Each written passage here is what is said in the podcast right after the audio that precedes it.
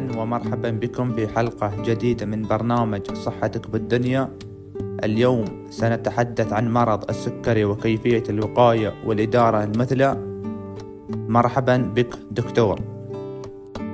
مرحبا شكرا على الدعوة. دعونا نبدأ بالتعريف ما هو مرض السكري وبالضبط وما هي أنواعه. وبالطبع مرض السكري هو حالة تتميز بارتفاع مستوى السكر في الدم بشكل مستمر. هناك نوعان رئيسيان لمرض السكري النوع الأول والنوع الثاني. النوع الأول يكون ناتج عن نقص في إنتاج هرمون الأنسولين من قبل البنكرياس في حين النوع يكون النوع الثاني نتيجة لعدم استجابة الخلايا للأنسولين بشكل صحيح أو نقص إنتاج. وما هي العوامل التي تزيد في احتمالية الإصابة بمرض السكري؟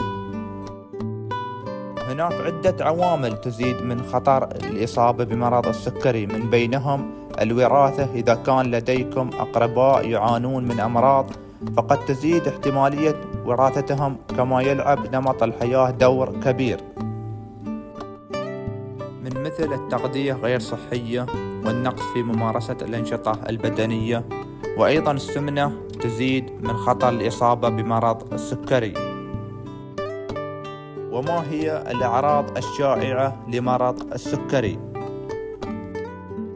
وقد تختلف الأعراض من شخص إلى شخص آخر ولكن أكثر شيوعا تشمل العطش الزائد والتبول المتكرر والشعور بالتعب في حالات أكثر تقدما في العمر.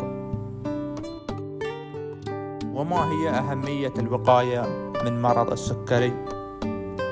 الوقاية مهم للغاية. يمكن تجنب الإصابة بمرض السكري من خلال تغيير أسلوب الحياة مثل تناول أطعمة صحية وممارسة الرياضة بانتظام وفحص منتظم لمستوى السكر في الدم ويمكن أن يساعد في كشف المبكر عن أمراض السكري وغيرها.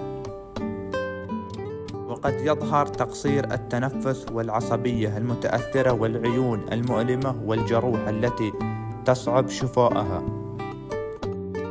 إدارة مرض السكري تتضمن الالتزام بعلاج الدوائي إذا كان ضروريا ومتابعة مستوى السكر في الدم بانتظام ويجب أيضا الانتباه إلى التغذية الصحيحة والنظام الغذائي وممارسة الرياضة بانتظام